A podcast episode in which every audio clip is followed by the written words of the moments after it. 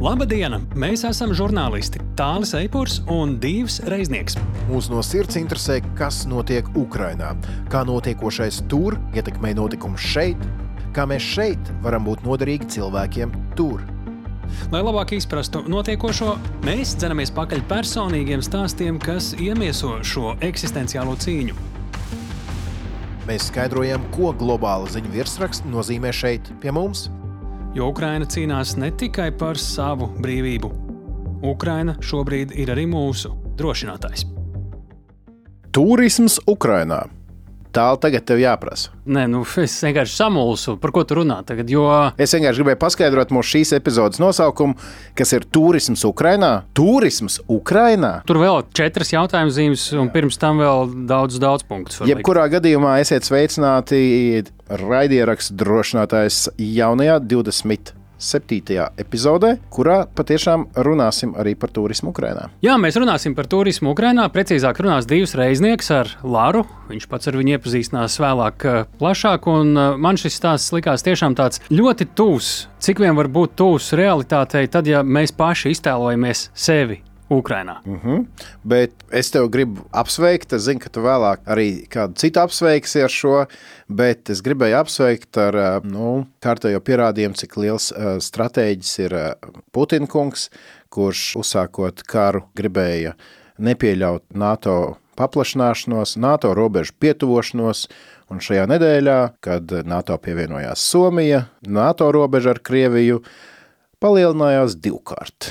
Bravo! Apsveicam, apsveicam Somiju, apsveicam Baltijas valstis, apsveicam NATO, apsveicam arī visu plašo Krieviju. Redz, tik tāls šovs, bet es saprotu, ka jūs ar Kristīnu šo tēmu arī pārspriedāt, un tur jau būs bišķiņ tā nopietnāk, nopietnāk paskaidrots, kā tieši e, šis ir būtiski mums šeit Latvijā.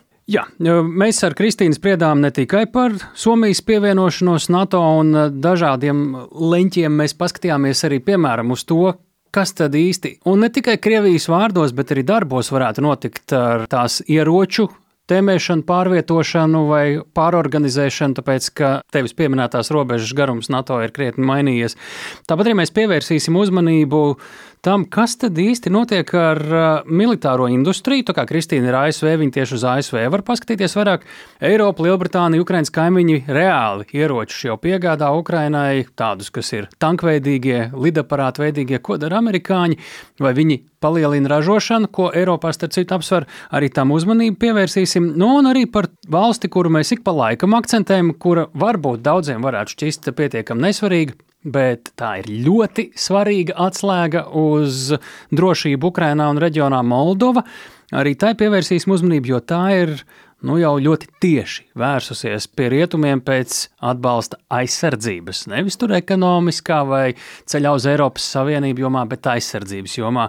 Kristīnai būs ko teikt par šo, cik tas izrādās ir svarīgi. Nu, ko nevilksim tad garumā. Es ļoti labprāt noklausīšos, kas Kristīnai sakāms par šīs nedēļas, mūsuprāt, svarīgākajām aktualitātēm. Sveiki, Kristīne! Sveiki, Kristīne! Sveiki, sveiki! Nu, ko jāsaka tā? Priecīgus svētkus, it īpaši Baltijas jūras reģionā, vai ne? Milzīgi svētki šonadēļ Baltijas jūras reģionā redzi, kā Somija tagad ir NATO dalība valsts. Ir ļoti samainījusies tiešām drošības realitāte Baltijas jūras reģionā, un mums par to ir ārkārtīgi jāpriecājās. Drošības realitāte. Brīdī, kad Baltijas valsts, piemēram, pievienojās NATO no šī reģiona, nu tad mēs kļuvām drošāki, vai NATO kļuva drošāks, tur vēl tā teikt varētu par to jautāt, bet tad, kad Somija tagad pievienojas NATO, nu tad ir pilnīgi skaidrs, ka gan Somija kļūst drošāka, gan arī NATO kļūst drošāka, zinot Somijas spēcīgos bruņotos spēkus un vēsturi ar Krieviju. Kas tad ir tās reālās lietas, kas līdz ar šo brīdi mainās NATO drošībā, mūsu reģiona drošībā un, kas svarīgi, arī Latvijas drošībā. Sāksim tad ar Latviju, ar Baltijas reģionu. Tāpēc, ka, protams, Somija ir bijusi kaimiņu valsts pāri jūrai, Somija ir bijusi ļoti draudzīga valsts un Eiropas Savienības dalība valsts, tāpat kā Latvija, bet līdz šim brīdim, ja būtu jautājums par Baltijas drošību, tad Somija būtu varējusi teikt, nu tas mums, mums neatiecās, mēs nekādīgi arī nepiedalīsimies, tomēr mēs esam prom no Baltijas valstīm, mums par sevi ir jārūpējās. Un ir skaidrs, ka no šī brīža Ja Somija ir NATO dalība valsts, tad Baltijas drošības, Baltijas valstu drošība, arī tas, kas notiek uz zemes, ne tikai jūrā, attiecās arī uz Somiju, tāpat kā uz visām citām NATO dalībvalstīm. Ir skaidrs, ka tāda neutralitāte vai tāda izvēlēšanās nepiedalīties konfliktos, drošības krīzēs vairāk nav reāla. Baltijas reģionā mums vēl ir Zviedrijas jautājums, un Zviedrija cerams arī drīz pievienosies NATO, bet eh, Zviedrija nav robežas ar Krieviju. Ja skatās par to, kāda ir vēsture bijusi Somijā, tā pieredze ar Krievijas iebrukumu un kā tā ir attīstījusi Somijas drošības domāšanu, tas viss ir ārkārtīgi. Tās mācības ir pielietojamas Baltijas valstīs, un arī Somijā ļoti saprot, ko tas nozīmē un kāpēc par to nevar būt pasīviem.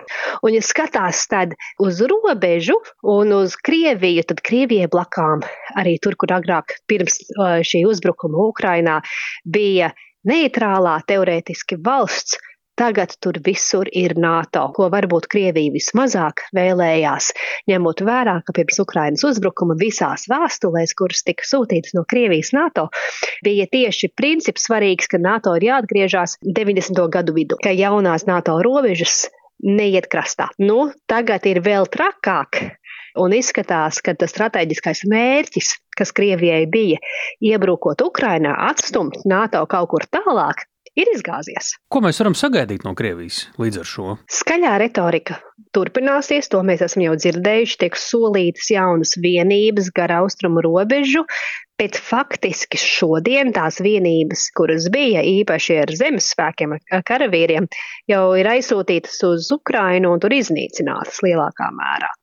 Kas paliek tad, kad Somijas robežu, ir cits jautājums, un kā to papildinās. Kas nav mainījies Somijas-Krievijas robežā, ir eh, gaisa spēki un kodola ieroču, īpaši tālajos ziemeļos. Klātbūtne, piemēram, arī zemūdens flotes un jūras flotes ziemeļos. Tas viss tur ir bijis un arī būs. Tagad jautājums ir, Krievija sola kaut ko nolikt uz robežas, bet vai Krievija būs spējīga, ņemot vērā, kāda karadarbība notiek Ukrainā, tiešām paplašināt klātbūtni tuvākā laikā maz ticami, ilgtermiņā varbūt vairāk, jo tomēr tos karavīrus Krievija cenšas pielietot tieši Ukrainā bet turpināt stiprināt savus gaisa spēkus un kodolieročus un, un flotes, īpaši tālajos ziemeļos, to mēs varam sagaidīt. Un tad tāds lielāks jautājums veidojas par to, ko tas nozīmē, ja skatās no Pēterburgas, tā kā uz rietumiem. Ir šaurums tur, un vienā šauruma pusē Helsinki, NATO, otrā šauruma pusē ir Tallina, vai Krievija kaut ko ārkārtīgi nozīmīgu ievietos tad, Pēterburgas reģionā, vai tomēr domās, nu, varbūt vairāk par Melno jūru vai vairāk par tālajiem ziemeļiem. Tur būs jāskatās, jo tiek jau runāts, ko tas nozīmē, ja Baltijas jūra paliek par NATO ezeru. Kad noslēgta ar izņēmumiem Pēterburgas rajons un, un Kaļiņingrada.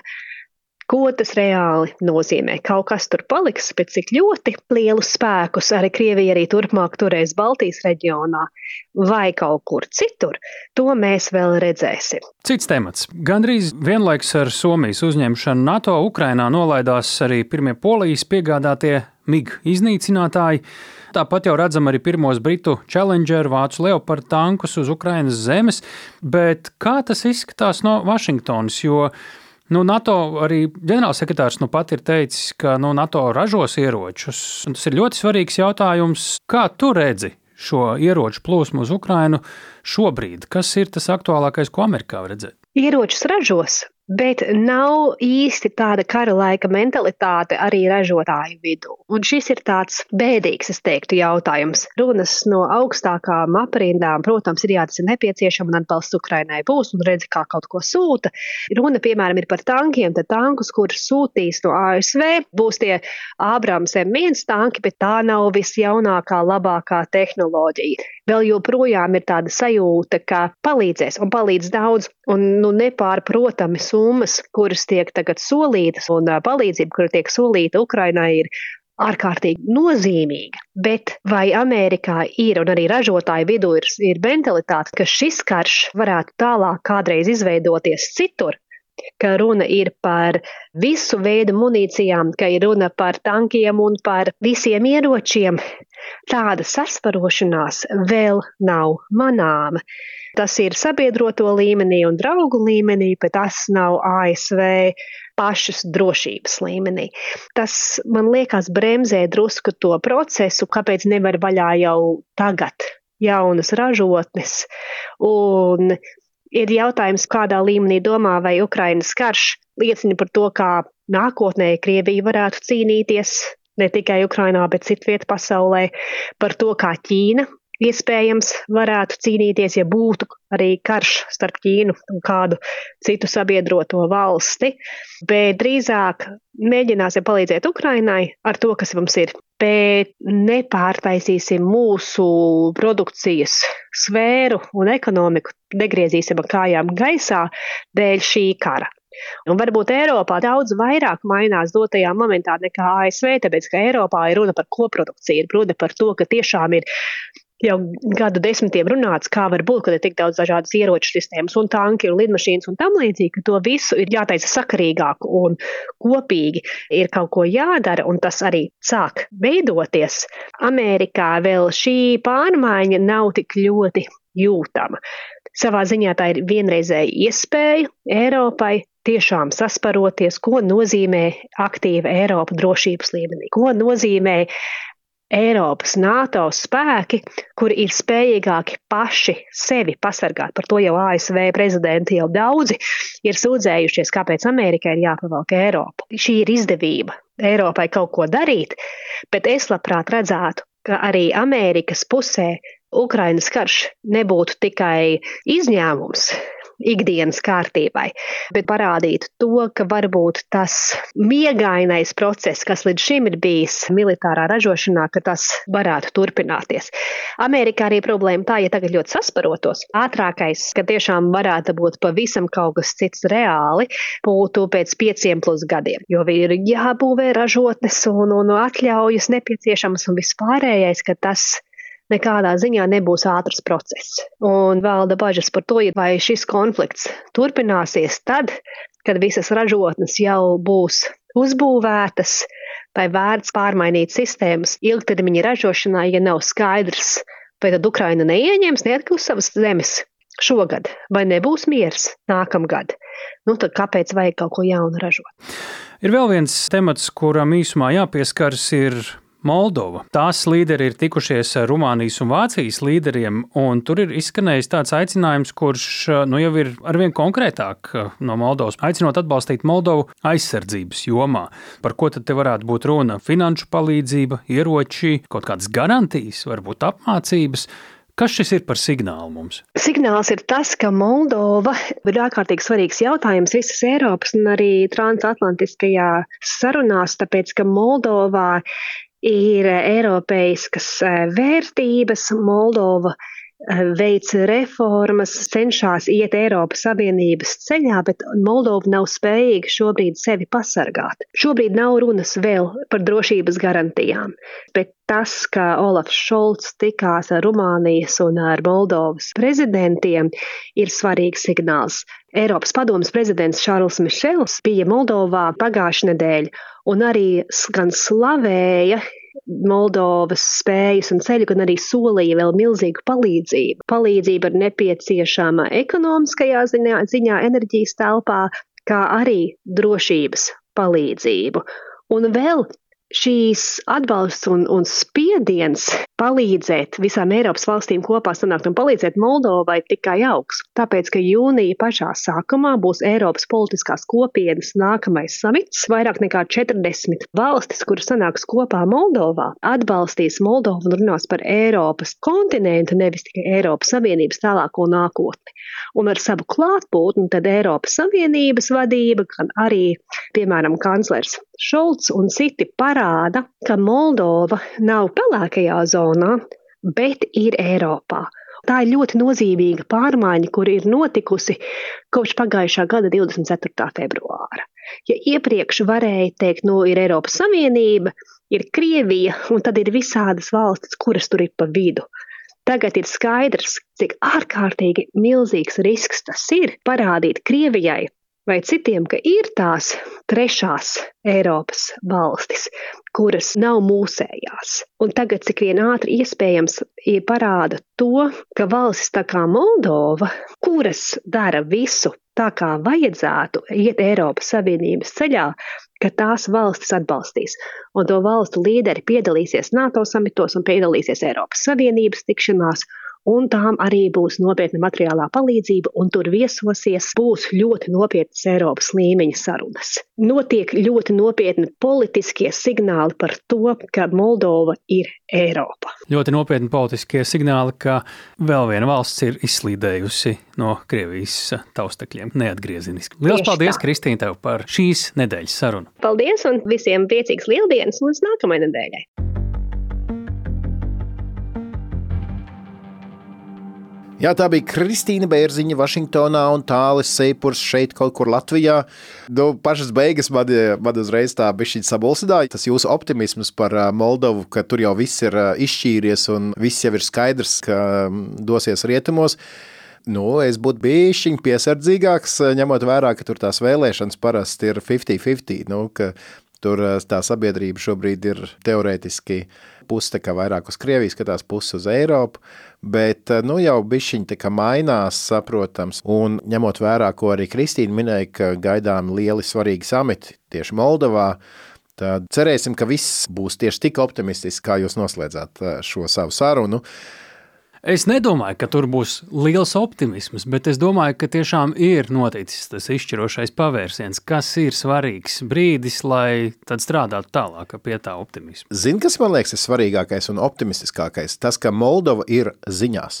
Tas, ka Moldova ir uzmanības centrā, cik nu vien var būt uz, uz šī lielā kara fona uh, uzmanības centrā. Un nav šī Kristīnas pieminētā pelēkajā zonā. Jā, tieši tā, ka nu, tur jau viss nav tik viennozīmīgi, tā kā tā, bet vēl visādas daudz ziņas. Mēs neesam ziņu raidījums, bet dažas tu gribēji vēl pieminēt, vai ne? Nu jā, tādas, kuras tā teikt, nesalīd mūsu trīs galveno tematu sarakstā, bet par ko noteikti būtu vērts arī jums vai nu palasīt, vai padomāt kaut vai par to, ka Krievija šobrīd ir aprīlī kļuvusi uz laiku par ANO drošības padomus vadošo valsti. Jā, agresoru aprīlī valsts. ļoti atbilstoši. Jā starptautiski krimināli apsūdzēti līderi priekšgalā.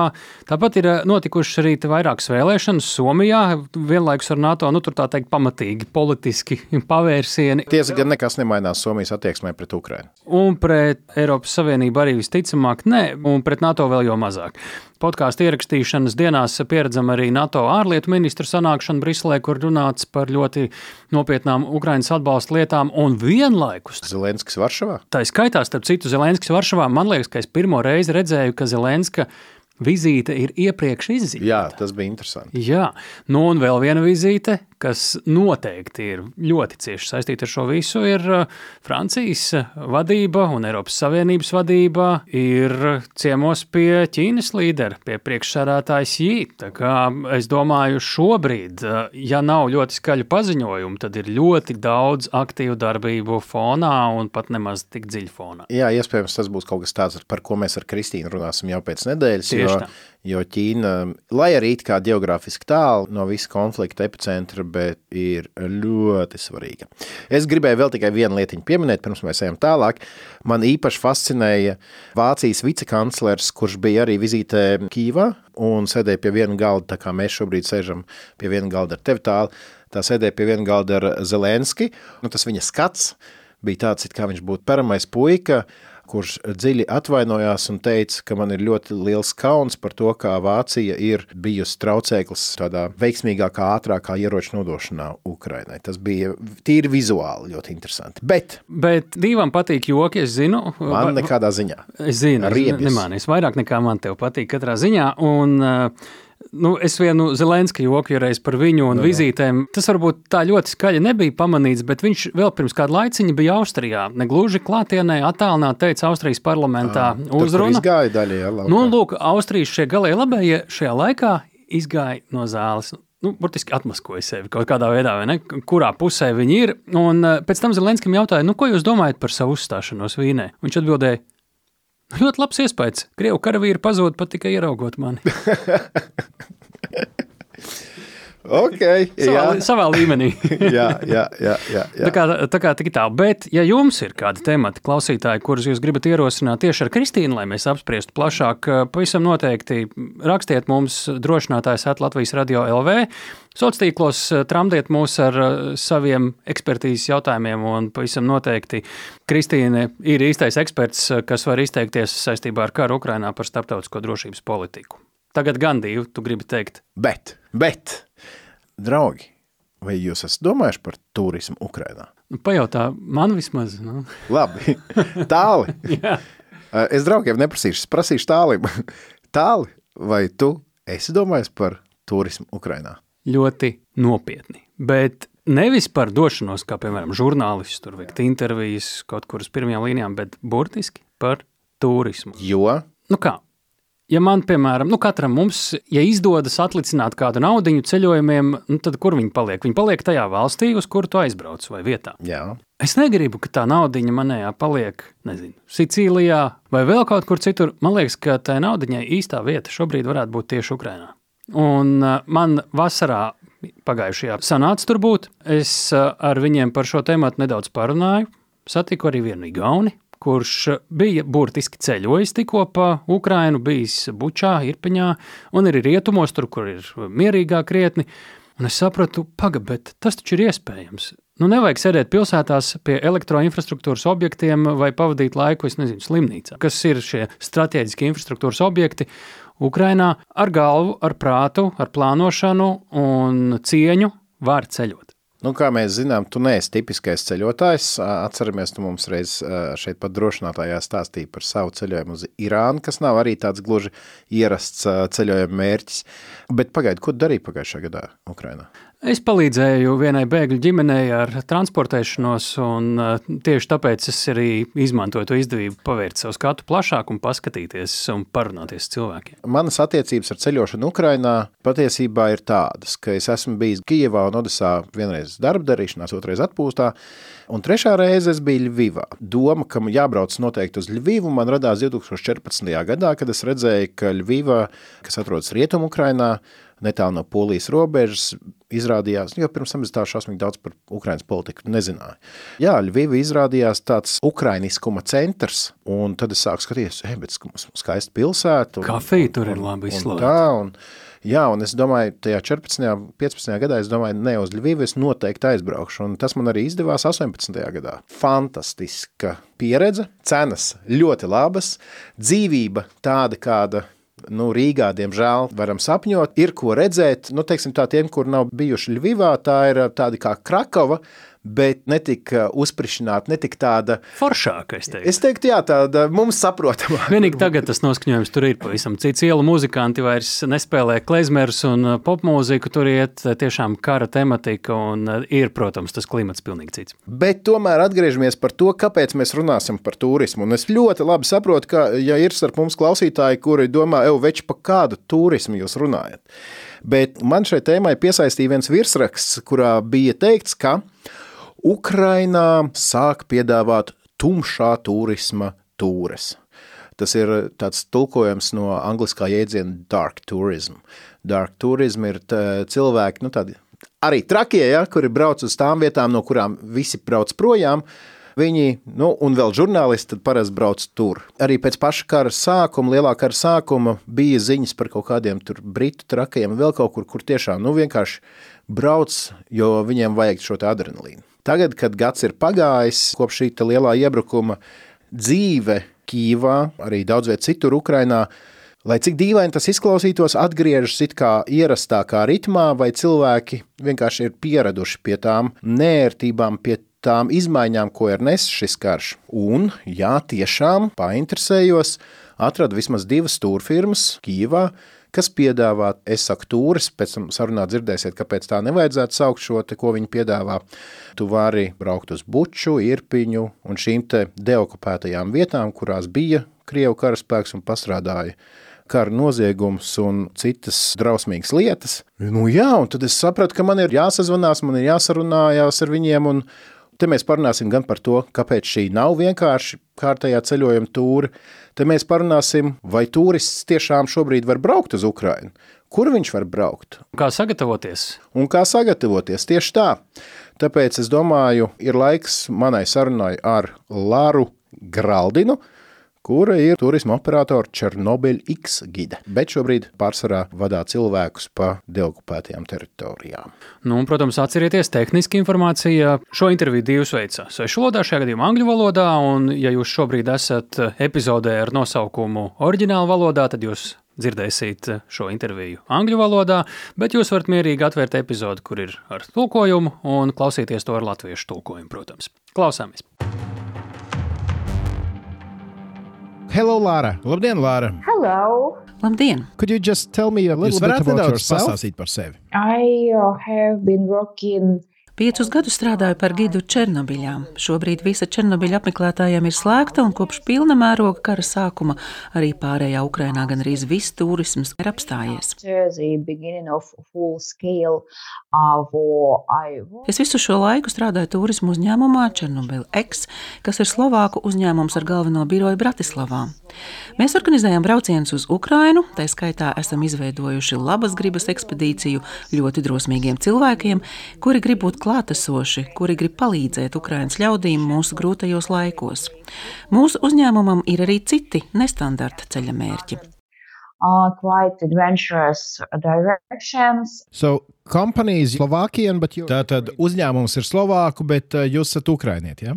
Jā, Jā, es esmu Ukrainiete. Uzņēmums ir Slovāku, un mūsu dibinātājs ir no Bratislavas.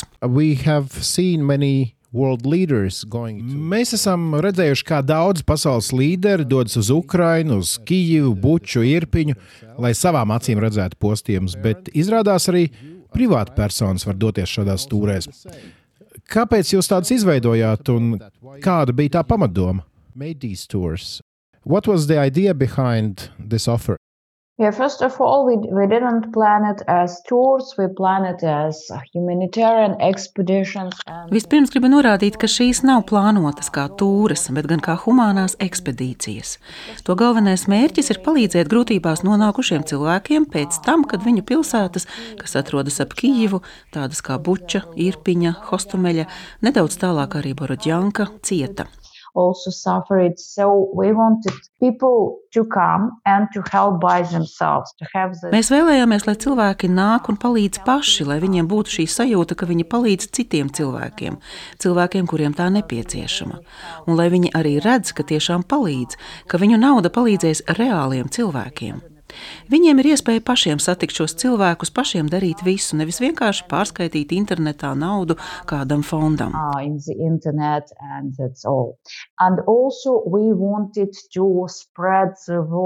Tāpat mēs gribējām, lai cilvēki ārzemēs uzzina par karu Ukrainā, par to, kas notika šeit, tik tuvu Kijivai. Mēs gribējām, lai cilvēki redz to un pēc tam stāsta saviem draugiem un radiem.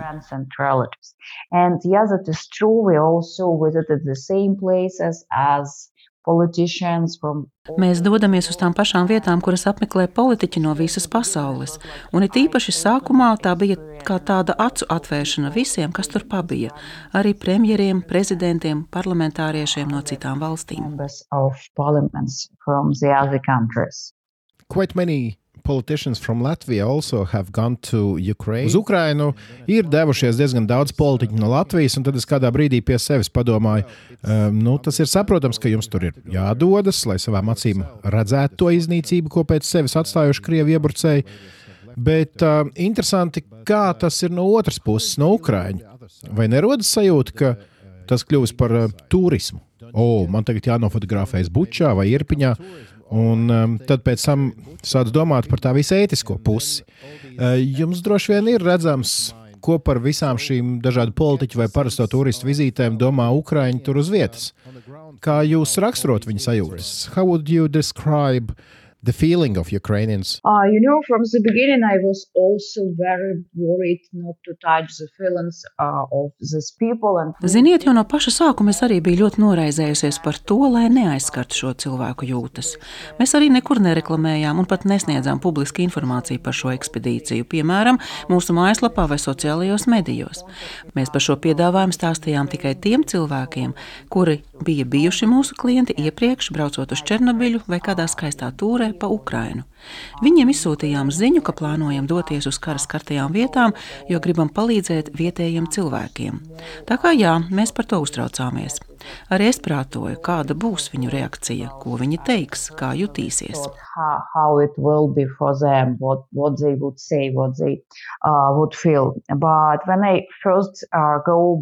Bet, kad pirmo reizi devos šajā maršrutā, konstatēju, ka šajās vietās, kur sagrautas dzīvojamās mājas, nav nemaz tik daudz cilvēku palicis, jo tur vienkārši vairs nebija iespējams uzturēties. Tad sāku meklēt ģimenes, kurām bija iznīcināti mājokļi vai sprādzienu sagrautas sienas dzīvokļos un tam līdzīgi. Tad es viņiem jautāju, vai varu tos apciemot, prasīju par viņu vajadzībām. Teicu, ka vēlamies palīdzēt, un es biju pārsteigta, jo cilvēki neiebilda. Okay they Varbūt tas bija politiķu vizīšu efekts, jo cilvēki vēlāk viņus redzēja ziņās pie saviem mājokļiem. Nezinu, bet varu tik teikt, ka gada laikā kopš šo vietu atbrīvošanas neesmu saskārusies ar negatīvu reakciju. Es teiktu, ka cilvēki labprāt dalās savos stāstos. Varbūt tas viņiem bija kā tāda emocionāla atbrīvošanās. Bija tik daži gadījumi, kad vedu kādus blogerus, un daži vietējie teica, ka negrib ar viņiem runāt. Es teicu, labi, labi, neuztraucieties.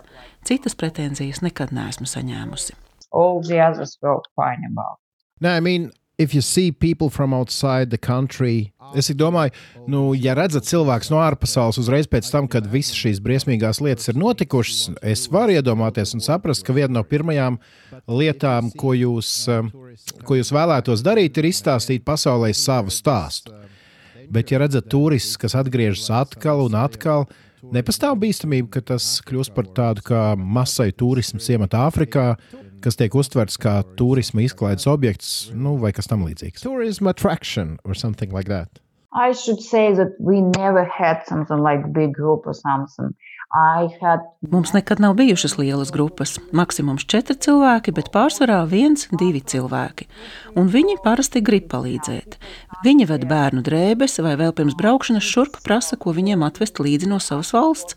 Tā kā redzu, ka šie cilvēki tiešām grib palīdzēt, un man tas ir gan ļoti patīkami, gan svarīgi. Tā kā nav runa par lielām turistu grupām. So I never saw it to be massive, but I should say that especially the first months after liberation, I saw a lot of just ordinary Ukrainians. Bet man jāsaka, ka īpaši pirmajos mēnešos pēc atbrīvošanas turp brauca daudz parasto ukrāņu, lai redzētu, kas notika tajās vietās, kuras pirms tam viņi bija redzējuši ziņās. themselves, but it mostly some places Bet konkrēti mēs parasti skatāmies sagrautas dzīvojamās ēkas, kur neviens vairs nedzīvo, vai publiskās telpas, kā piemēram kultūras namu Irpiņā, kur sākumā varēja tikt arī iekšā un redzēt, kā tas iekšpusē izdedzis. Tad dodamies arī uz mašīnu kapsētu Irpiņā, kur savesti tie auto, kas uzbrukuma rezultātā tika sašauti, nodedzināti vai iznīcināti un nu, savesti vienā vietā. Tur nav vietējo, kuriem mēs varētu traucēt. Šīs vietas apmeklē arī daudzi ukrāņi, lai redzētu tās un saprastu, kas tur ir noticis.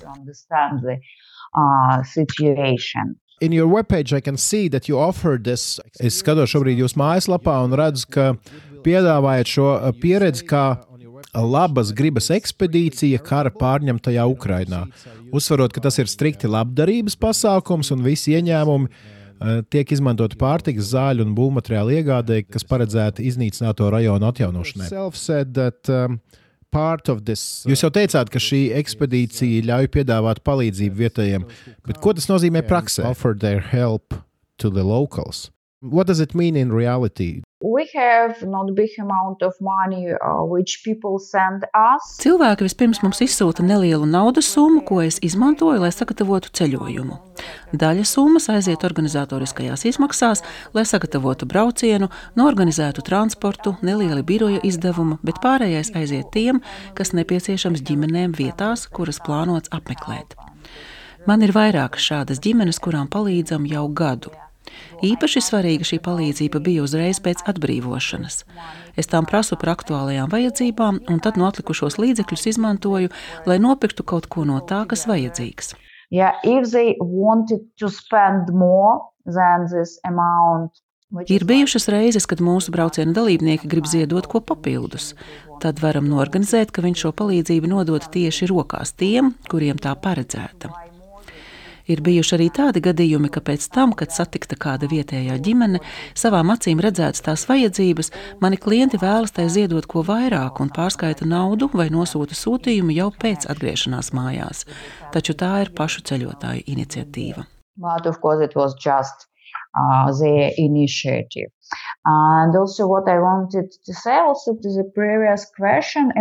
Es vēl gribēju piebilst piepriekšējā jautājumā par to, vai nav draudz, ka tās vietas paliks turistiskas. Šobrīd ļoti daudz kas ir jau atjaunots, izremontēts, jo dzīve turpinās. Tās dzīvojamās mājas, kas cietušas visvairāk, šobrīd jau ir nojauktas un to vietā cels jaunas. Tās daudzdzīvokļu mājas, kuras varēja atjaunot, tika atjaunotas jau pirms ziemas atnākšanas, lai cilvēkiem būtu kur palikt. Ne visas, bet ļoti daudzas. Pat ielas cenšas saremontēt. Piemēram, šodien, kad apmeklēju šīs vietas, redzēju, ka atjaunota tiek arī publiskā telpa, kas līdz šim nebija prioritāte, jo primāri atjaunoja dzīvojamās platības. Tā kā šobrīd daudz vietā jau vairs nevar redzēt tos postījumus, kas bija redzami iepriekš.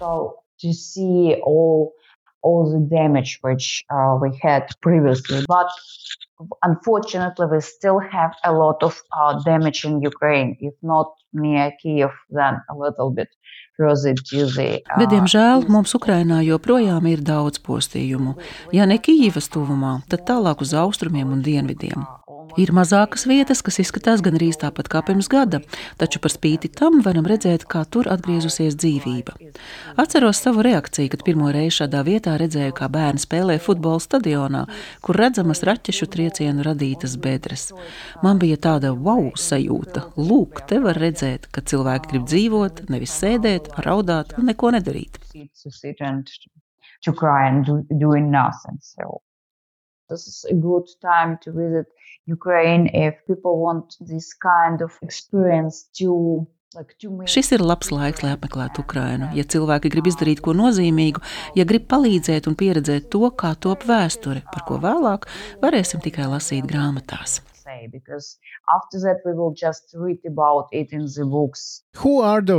Kas ir tie cilvēki, kas dodas ar jums šajos braucienos?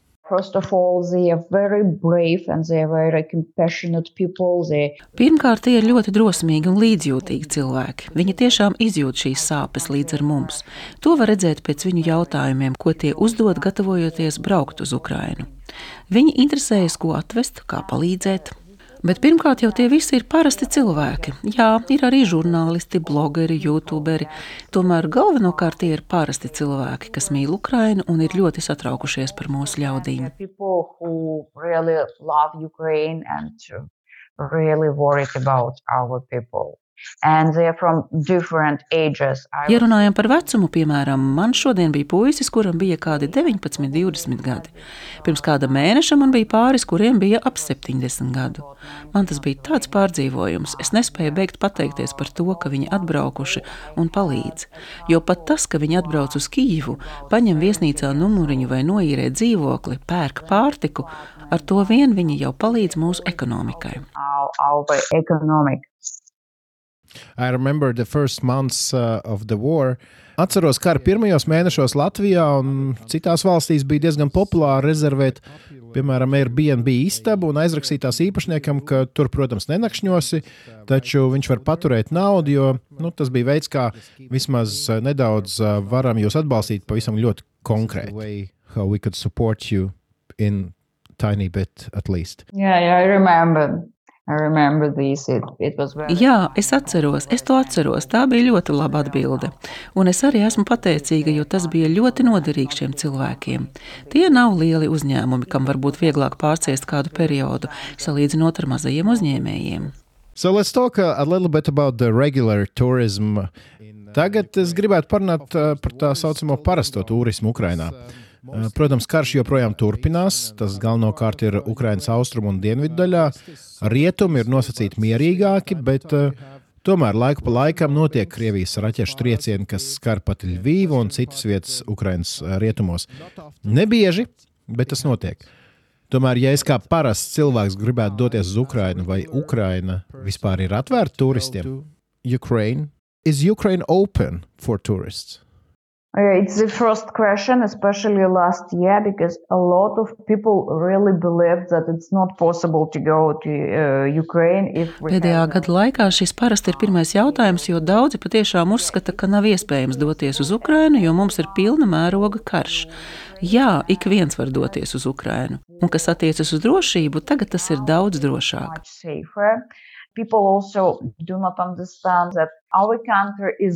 Cilvēki nesaprot vienu lietu. Mūsu valsts ir liela. Cīņas notiek tūkstošu kilometru attālumā. Nu labi, nedaudz tuvāk. Problēma ir debesīs, varbūt raķešu triecieni, bet tagad tas ir diezgan reti. Pārsvarā nu runājam par dronu uzlidojumiem, kas cenšas atkost mūsu gaisa aizsardzības sistēmas, un dažreiz jā, arī veids kādu uzbrukumu, taču tie nav tik masīvi kā raķešu uzlidojumi not so massive as a missile strike. Mm -hmm. But if I go to, let's say, Kiev, bet ja es dodos, teiksim, uz Kijevu, vai viesnīcas ir atvērtas, vai restorāns strādā, kā ir ar šādām lietām? Here uh, we already live a normal life. Šādā ziņā jau dzīvojam normālu dzīvi. Ja jūs nezinātu, ka notiek karš, ja jums nebūtu aplikācijas, kas brīdina par uzlidojumiem, vai nedzīvotu blakus pretgaisa aizsardzības skaļrunim, nemaz nevarētu pateikt, ka mums valstī ir kādas problēmas. Restorāni ir atvērti, viesnīcas ir atvērtas, veikali ir atvērti. Shops are open. Uh, we just have Toties ir komandants stunda. Iepriekš tā bija no 23 līdz 5 rītā, tagad no pusnakts līdz 5 rītā, lai mēs cerams varētu izbaudīt tuvojošās vasaras vakarus un varētu būt ārā. Viesnīcas, protams, nav pārpildītas, un numurus rezervēt var bez problēmām. Yeah, What about the prices? Un kā ar cenām? Es teiktu, ka tās ir palikušas nemainīgas vai samazinājušās. Neesmu redzējis nevienu viesnīcu, kas cenas būtu paaugstinājusi. Tam nav iemesla. So, but there is a possibility that tomēr pastāv iespēja, ka ierodoties Kīvā vai kādā citā it kā drošā vietā, var atskanēt gaisa trauksmes sirēnas, un nu, tad jums jāskrien uz patvērsmi. What's the deal with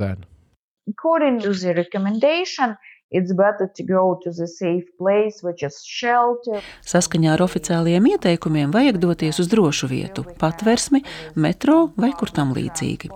Arī sabiedriskais transports ir trauksmes laikā jāaptur. Bet es teiktu, ka cilvēki, kuri te bijuši visu laiku, vairs vispār nereaģē uz šīm gaisa trauksmēm. Ja brauc ar mašīnu, tad turpina braukt. Uz patversmēm nedodas, Nu, ir jau arī izņēmumi, bet lielākā daļa vienkārši turpina darīt savas lietas, jo sirēnas var skanēt arī divas, trīs stundas no vietas, un parasti tās ir tikai kā piesardzības pasākums, lai cilvēki būtu uzmanīgāki. Parasti reālu briesmu, kas nozīmētu raķešu triecienu vai dronu uzlidojumu, nav. Isn't that a bit strange for you? A, vai tas nav mazliet dīvaini, ka jūs kā civiliedzīvotājs bez iepriekšējas šāda plaša kara pieredzes, nu, esat pieradusi pie šādām lietām? before I imagined the war only from the movies about the Second World War. Because... Iepriekš mans priekšstats par karu bija veidojies tikai no filmām par Otro pasaules karu. Es gaidīju, ka tas būs absolūti šausmīgi. Sprādzieni apkārt, asinis visur, tāpat kā karaskaņas ik minūti. Jā, sākums patiesi bija smags, jo uzbrukumi bija dažādiem valsts reģioniem, un mēs visi to dzirdējām. Tomēr pēc Krievijas centieniem ieņemt Kijivu, mēs pie tā visa pieradām, un šobrīd tā vienkārši kļūsi par mūsu ikdienas sastāvdaļu. Vai tas ir dīvaini? Jā, tā tas ir, taču mūsu domāšana mainījusies, un no to uzskatām kā kaut ko pierastu. Our minds are different, and we just take it as ordinary thing. Uh, if we look at the practical side of tourism, we know that there are no. Ja mēs paskatāmies uz turismu no praktiskās puses, zinām, ka uz Ukrajinu nelido lidmašīnas. Kīvā var nokļūt ar automašīnu vai vilcienu, ja? Train, I guess, right? Arī ar autobusu. Really? Tiešām? Jā, autobusi pat ir vairāk pieejami. Mums ir lieli autobusi, mazi autobusi, mikroautobusi. Daudz uzņēmumu piedāvā visdažādākos maršrutus. Cilvēki tā var nokļūt pat dažādās Eiropas valstu pilsētās, ne tikai līdz mūsu kaimiņu valstīm. Of Europe, not only uh, our neighbor countries. Right now, if I go to Ukraine, should I... Nu, bet šobrīd, ja es dodos uz Ukrajinu, vai man vajadzētu līdzi ņemt papildus tur powerbankas, degvielu? Es pat nezinu, ko vēl tādu papildus vajadzētu ņemt. A month ago, I would say yes, that you you need some Ja šo jautātu man pirms mēneša, es teiktu, ka noteikti līdzi jābūt kādam enerģijas avotam, arī lukturītim. Bet tagad šī problēma gandrīz nepastāv. Kijivā vairāk nav elektrības padeves traucējumu. Kijivas reģionā šur tur vēl ir problēmas, bet saprotu, ka to atrisināšana ir dažu dienu vai nedēļu jautājums, un tad varēs teikt, ka elektrības problēmas vairs nepastāv. Un jāsaka, ka Kijivā nejūt arī nekādu deficītu, ne degvielas, nekādu citu. fuel. Now it's it's here. It's okay. Bet is there something, bet kas ir tas, ar ko turistam jārēķinās, ka šobrīd ir citādi nekā tas bija pirms kara? For the war. I would say that for me it's even a little bit. More. Es teiktu, ka uz mani tas attiektos pat vairāk. Šobrīd laiku pa laikam mani var apturēt, lai pārbaudītu dokumentus, ID karti vai vadītāja apliecību. Pirms kara, kas tāds notika ļoti reti. Taču jums jābūt gataviem, ka uz ceļiem vēl aizvien ir policijas vai armijas posteņi. Tajos var apstādināt gan mašīnas, gan autobusus un pārbaudīt gan jūsu dokumentus, gan bagāžu. Kīvā šobrīd tas jau notiek ļoti, ļoti reti, tomēr tam jābūt gatavam. Uh.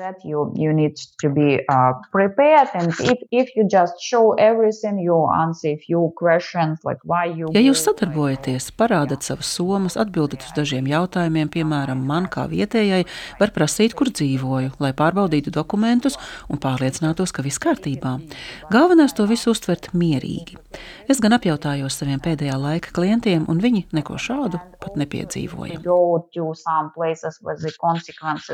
Tāpat, ja jūs dodaties uz vietām, kas cietušas karā vai kur bāzētas militārās struktūras, jums var neļaut doties kādā konkrētā virzienā.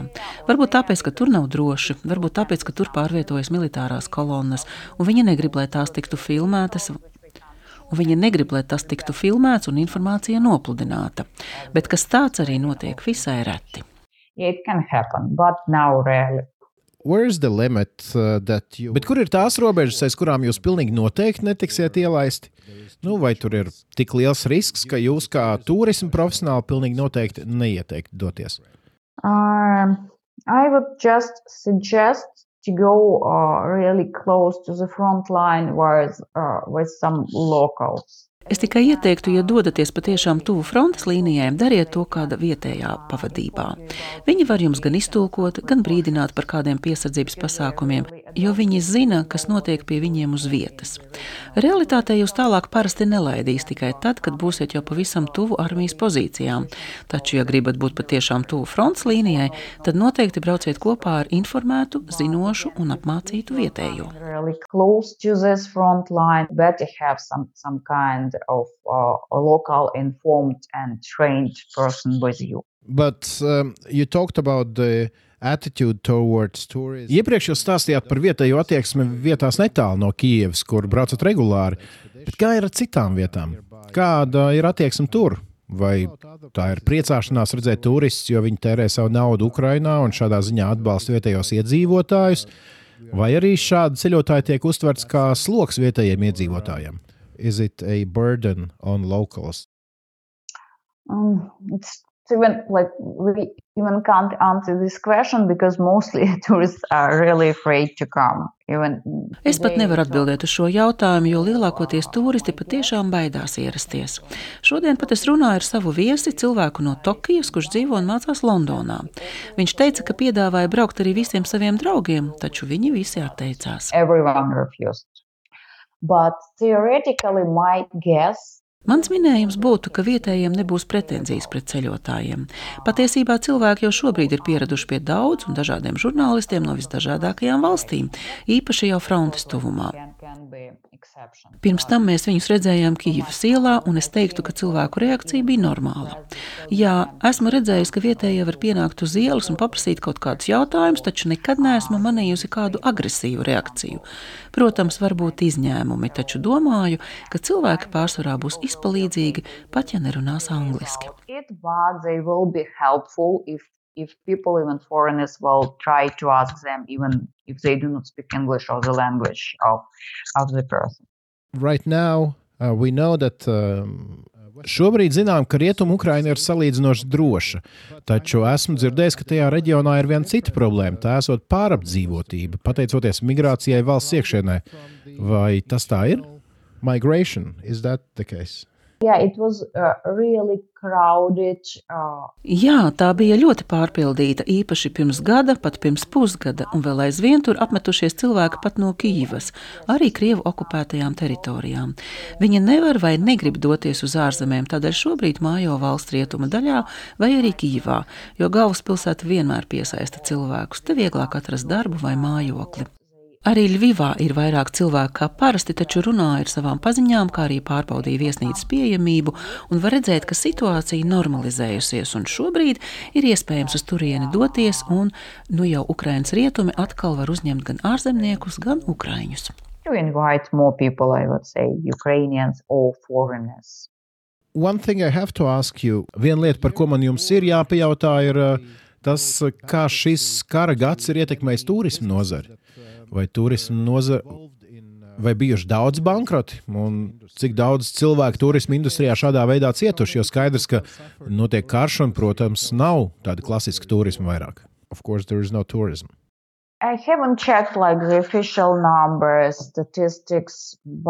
Es neesmu pārbaudījis oficiālo statistiku, bet redzu pēc kolēģiem, ka vairums no viņiem ir zaudējuši darbu. Ir vīrieši, kuri devušies armijā un šobrīd cīnās bruņoto spēku sastāvā. Daudzas mūsu nozares sievietes devušās uz ārzemēm. Lielākā daļa manu kolēģu zina kādu svešvalodu, vai tā būtu angļu, franču, vācu vai kāda cita. Tāpēc mans personiskais viedoklis ir, ka jā, šī industrija ir ļoti cietusi. Īpaši viesnīcas un ceļojumu operatori, kas pārsvarā nodarbojās ar ienākošo turismu. Tāpat arī Ukrāņu ceļojumu aģenti, kas nodarbojās ar izējošo turismu. Kaut gan šobrīd redzu, ka šajā virzienā atsākušās aktivitātes un tiek rīkotas grupas, kas nogādā Ukrāņu ceļotājus uz ārzemēm ar autobusiem vai kā citādi. Buses or some other means of transport to get to the final spot. Latvians uh, have gone to Ukraine. Latvieši jau agrāk devušies ceļojumos uz Ukrajinu, un to noteikti darīs atkal, kad jutīsies par to pietiekami droši. Vai ir kaut kas, ko jūs vēlētos viņiem pateikt, bet par ko es jums nebūtu pajautājis? For people who plan to come after or now, I, I ja cilvēki plāno braukt tagad vai kad vēlāk, vai kā volunteeris vai kā ceļotājs, gribu uzsvērt, ka jums pašiem ir jāpieņem lēmums. Neviens cits nevar jums pateikt, brauc vai nebrauc. Ja jums ir nodoms braukt, vai jums ir Vai, ja jums ir nodoms braukt, vai ja jums ir tikai kādi jautājumi, mēs vienkārši varam vairāk dalīties ar jums informācijā. Tie, kuri gatavi braukt tikai tad, kad būs pilnībā droši, Tie, kuri gatavi braukt tikai tad, kad būs pilnībā droši, es jūs ļoti labi saprotu. Katram ir jādomā par savu drošību un ģimeni, kas gaida jūs atgriežamies mājās. Pēc mūsu uzvaras mēs jūs mīļi gaidīsim un būsim priecīgi redzēt pie mums. Uh. Thank you so much. The last question we asked. Lielas paldies! Pēdējais jautājums, uh, nu, ko mēs uzdodam visiem. Ko man novēlēt tieši jums personīgi? Probably a, lo, a lot of a lot of energy and inspiration. Droši vien daudz enerģijas un iedvesmas, lai dzīvotu, darītu darbu, kas svarīgs man un manai valstī šajā grūtajā laikā, jo šajā stresā nereti ir grūti paveikt pat pavisam ikdienišķas lietas. It's, it's difficult, you know, to do even ordinary things when you are in this stress. Of course. All right, thank you so much. Protams. And, uh, Lielas paldies! Es esmu pārliecināts, ka pēc mūsu intervijas noklausīšanās varētu būt vēl vairāk latviešu ceļotāju, kuri ieplānos ceļojumu uz Ukrajinu, kad uzskatīs šo iespēju par drošu. Mm -hmm. yeah, thank you so much. Jā, liels paldies! Mēs priecāsimies jūs redzēt. Mēs, protams, jūtamies kā tuvas tautas. Nations, of course, with you. Well, uh, we're much closer. Nu, mēs esam kļuvuši daudz tuvāk nekā pirmskārt. Tas ir droši. Yeah. Jā, tā ir taisnība. Tā ir taisnība. All right, labi, Lāra. Paldies!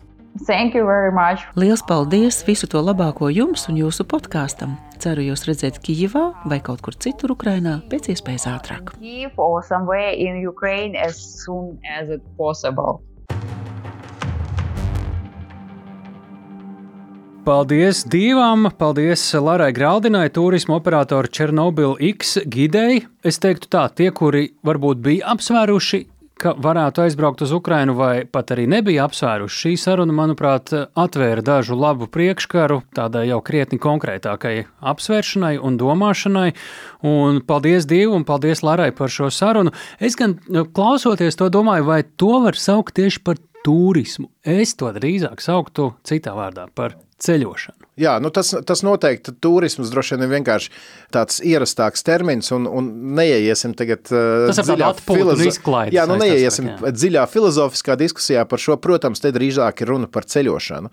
Savukārt no savas puses, es kā divu bērnu tēvs gribētu teikt, ka, un to arī Lāra pieminēja, es jūs tagad neaicinu brauciet tagad, tūlīt uz Ukrajinu. Ir jāapsver riski, raķetes var lidot tur, kur jūs esat. Te gan jāatcerās arī tas, ko Tālis teica, vienkārši lietojam prātu un tā, bet skaidrs, ka tur ir riskantāk nekā Polijā, Latgalē, Lietuvā vai Igaunijā vai es nezinu, kaut kur. Nu, bet, protams, ir šī, šī priekšrocība, ka līdzīgi, laikam arī Covid laikā teica, kad cilvēki ceļoja, tad vietas, kuras parasti turisti pārbāstas, tu pēkšņi ieraugi gan arī vai neskarts, un tu tur esi vai vienīgais, nu, tie ir tie bonus, protams, šāda veida ceļošanai. Nu, protams, runājiet ar cilvēkiem, ja jūs tur nonākat, tas viņiem ir svarīgi, jums vērtīgi, un mēs joprojām paturam atmiņā mūsu vienas no iepriekšējām epizodēm Helsonas iekarotāja un Latvijas džipa braucēja aicinājumu pēc uh, uzvaras ierasties uz pusdienām Krimā. Uz Krimu šobrīd nebrauciet. Šobrīd nē, šobrīd vispirms darbiņš jāizdara Ukraiņas bruņotajiem spēkiem. Tad, kad atbrīvos Krimu, tad arī brauksim. Tas arī šoreiz viss. Jā, Noteikti atcerieties visas svarīgās lietas, kas kārtīgam podkāstu drošinātājs klausītājiem ir jāatcerās. Tēmturis visos sociālajos tīklos pavisam noteikti ir vienkārši drošinātājs. Tēmturis drošinātājs, vai arī rakstiet mums uz e-pasta adresi drošinātājs at Latvijas Rādio LV. Un atcerieties, drošinātājs skaidri un personīgi par karu Ukrainā.